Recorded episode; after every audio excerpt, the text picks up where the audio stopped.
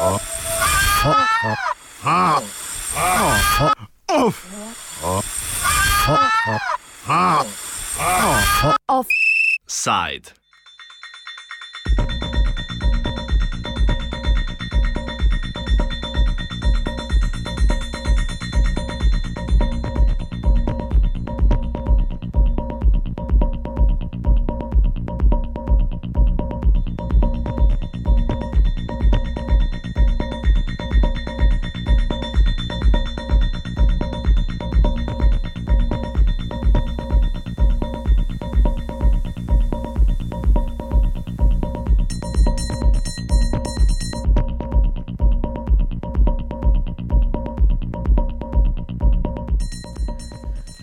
Lobiranje v senci. Interestingly, um, Slovenia is actually not doing too bad, but the problem is everybody's doing bad. Končala se je raziskava o lobiranju, ki je zaobjela 19 evropskih držav. Številna poročila iz različnih držav so bila že predstavljena, Slovenija je prišla na vrsto kot deseta. Potekala je predstavitev poročila Lobiranje v Sloveniji, poziv k transparentnemu in etičnemu lobiranju, ki jo je organizirala prostovoljna nevladna organizacija Društvo Integriteta, ki je leta 2012 postala polnopravna članica največje mednarodne organizacije za boj proti korupciji Transparency International.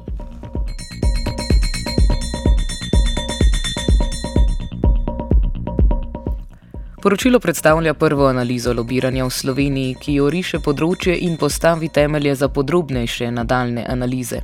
Predstavili so ključna poročila za spremembe in praktična priporočila za ureditev na področju lobiranja v Sloveniji. Poročilo je nastalo v sklopu regionalnega projekta, ki vključuje oceno ureditev lobiranja in praks v 19 evropskih državah.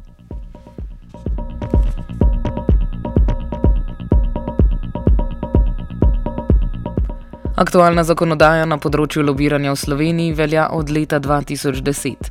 Ena od novosti zakonodaje iz leta 2010 so tudi javno vidni poklicni lobisti, ki jih vsak teden redno objavlja Komisija za preprečevanje korupcije. Več nam o zakonodaji pove Bečir Kečanovič. Podatki so dostopni zakonska ureditev kot taka ni slaba. Je od leta 2010 velja v Sloveniji, pri čemer je bilo prej dvakrat dva poskusa, da bi uzakonili to materijo v posebnem zakonu, pa takrat očitno ni bilo dovolj politične volje za to. Ne. Tako da zakonodaja obstaja in uh, priporočilo meri v tej smeri, da so se med tem v času veljavnosti te zakonodaje pojavili neki drugi odkloni, ki bi jih kazalo uh, preučiti in uh, v luči tega prenoviti to obstoječo zakonodajo. Se pravi, odločiti se ali še zmerom ostati pri tem, kar imamo, ali nadgraditi to, kar se kaže kot odklon v, v praksi. V zakonodaji je ločenih več vrst lobistov. Kakšne so te različne vrste lobistov in kaj pomeni ta razvrstitev, nam pove generalni sekretar Transparency International Vid Dorja. Republika Slovenija ima uh, dve kategoriji lobistov in sistematično deli med kategorijami lobistov in in vsakemu posamezniku, vsaki posamezni kategoriji nalaga drugačne obveznosti. Profesionalni lobisti so tisti, ki, največ, ki imajo največ obveznosti, enkrat letno poročajo o svojih aktivnostih, um, komisiji za prečanje korupcije, medtem ko mora na drugi strani lobiranec oziroma tisti, ki je lobiran, poročati komisiji za prečanje korupcije vsak stik, ki je bil izveden strani profesionalnega lobista v roku treh dni potem, ko je stik izveden. Eh, to je ena kategorija lobistov, druga kategorija lobistov so pa neprofesionalni lobisti oziroma predstavniki organizacij, kot je direktor družbe ali pa a, eh, lahko rečemo Vidorja kot a, eh, generalni sekretar Transfer International Slovenija in a, predstavljamo organizacijo a, pri svojem lobiranju, lahko rečemo. Tukaj pa uh, ti kategoriji lobistov niso registrirani, se jim ni potrebno registrirati, jim ni potrebno poročati, vendar pa mora lobiranec, tisti, ki je bil lobiran, še vedno poročati o posameznem lobističnem stiku Komisije za prečanje korupcije. Se pravi, te dve kategoriji so sistematično razdeljeni in morate biti transparentni. Govorimo popolnoma o legitimnem, legitimnem in pa zakonitem lobiranju. Seveda, uh, slovenska zakonodaja ima še eno kategorijo, ki se imenuje izjeme od lobiranja gre se pa za a, aktivnosti oziroma lahko rečemo vplivanje na odločevalce, ki se zgodijo zaradi uh, zaradi vplivanja oziroma zaradi izboljšanja pravne države, demokracije, človekovih pravic in tako naprej. Kaj natančno je potrebno na področju lobiranja urediti in kaj je največji problem lobiranja v Sloveniji, pove Kečanovič? Kot prvo je pa pomembno v bistvu postaviti uh, to razliko, kaj je lobiranje. Ne? Ugotoviti, ker uh, okoli tega je v bistvu največ problemov. Ali smo kot družba pripravljeni sprejeti to dejstvo, da lobiranje obstaja in uh, da se zavedati, da obstajajo tudi nezakoniti vplivi na oblast, na odločevalce in to dodatno, to urediti, dodatno nadgraditi tako, da se preprečujejo ti nedovoljeni vplivi, lobiranje kot tako, ki pa je inštrument demokracije, da gre svojo pot tako, kot zakonodaja ureja. Lahko pa se še naprej sprenevedamo, da tega pa nas ni, pa rečemo, vse ne potrebujemo nič od tega. V bistvu za to gre. Ne. To je elementarno vprašanje in to drugo, torej, da se še naprej sprenevedamo, da se to pri nas ne dogaja, ni relevantno. Ne.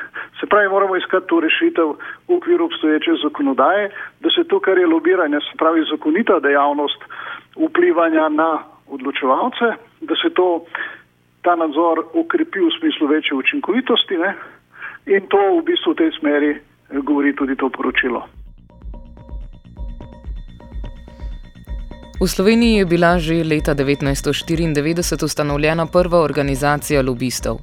Leta 2010 pa so sprejeli tako imenovani etični kodeks, ki po rezultatih vidnih v raziskavi v praksi nažalost ne deluje. Več pove Kečanovič.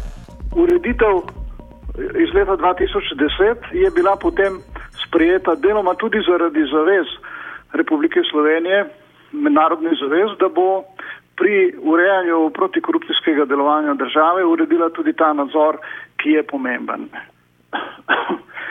Medtem, kot, kot ugotavljate tudi sami, je nekaj uh, deset, torej 62 ali 63 lobistov je registriranih, na drugi strani pa skozi vse te afere, ki se dogajajo pri nas, vpliv na gospodarstvo, vpliv na medije in tako naprej, tudi korupcijske afere, pa ugotavljamo vrsto teh uh, nejavnih, nedovoljenih vplivov, nezakonitih vplivov korupcije in celo najhujših kaznjivih dejanj, ki spodkopavajo v bistvu ekonomske temelje in socialne temelje družbene. Kljub temu, da je Slovenija s 55 točkami od stotih komaj opravila preizkus, očitno v primerjavi z ostalimi ni ravno najslabša. Več nam pove mednarodni koordinator pri Transparency International, Paul Zubkov. So even if comparatively Slovenia comes out quite well because it does have, for example, a lobby register and certain other mechanisms and tools in place to prevent undue influence, Overall, judging against um, international best practice standards, Slovenia comes out at only 55%, which is barely a passing mark. Zdi se, da je največji problem pri lobiranju, da ostaja nejasno, kdo so te interesne skupine, ki lobirajo. Več nam pove Zubkov. Well, what we're finding right across Europe is that there are really insufficient safeguards against undue influence in public decision making. we're finding that usually the the ordinary public and various interest groups can't have any idea about who is influencing um, politicians and civil service on which issues, uh, when, how, and how much resources are being spent in the process. Um, apart from this opacity, we are also finding that um, both lobbyists and public officials have insufficient guidance for them, insufficient ethical guidance in how to conduct their interactions and relationships. We're also finding that um, there is an inequality of access to public decision makers between the various interest groups, which of course presents a challenge because uh, the democracy relies on the input of different parties and a diversity of voices to make the right decision in the country's interest. Kaj je največji izziv za nadzor lobiranja in kakšni problemi pri tem nastajajo, nadaljuje Zubkov. You know, that's, that's precisely interestingly the challenge, right? Because there are no sufficient mechanisms in place to capture the data of who's influencing whom and when. It is practically impossible for people to know actually who has the greatest interest, interest and greatest influence um, when dealing with public decision makers. Um, there is, of course, a lobby register in Slovenia, um, so it can provide a little bit of guidance. Um, you know, about who are the different actors that are lobbying towards uh, public decision makers in the country. But the challenge is, is that, of course, even though uh, some of the foundations of this regulation are sound, um, it is still grossly insufficient in a number of respects. For example, the register doesn't capture a whole variety of groups that do conduct lobbying, um, such as, for example, NGOs.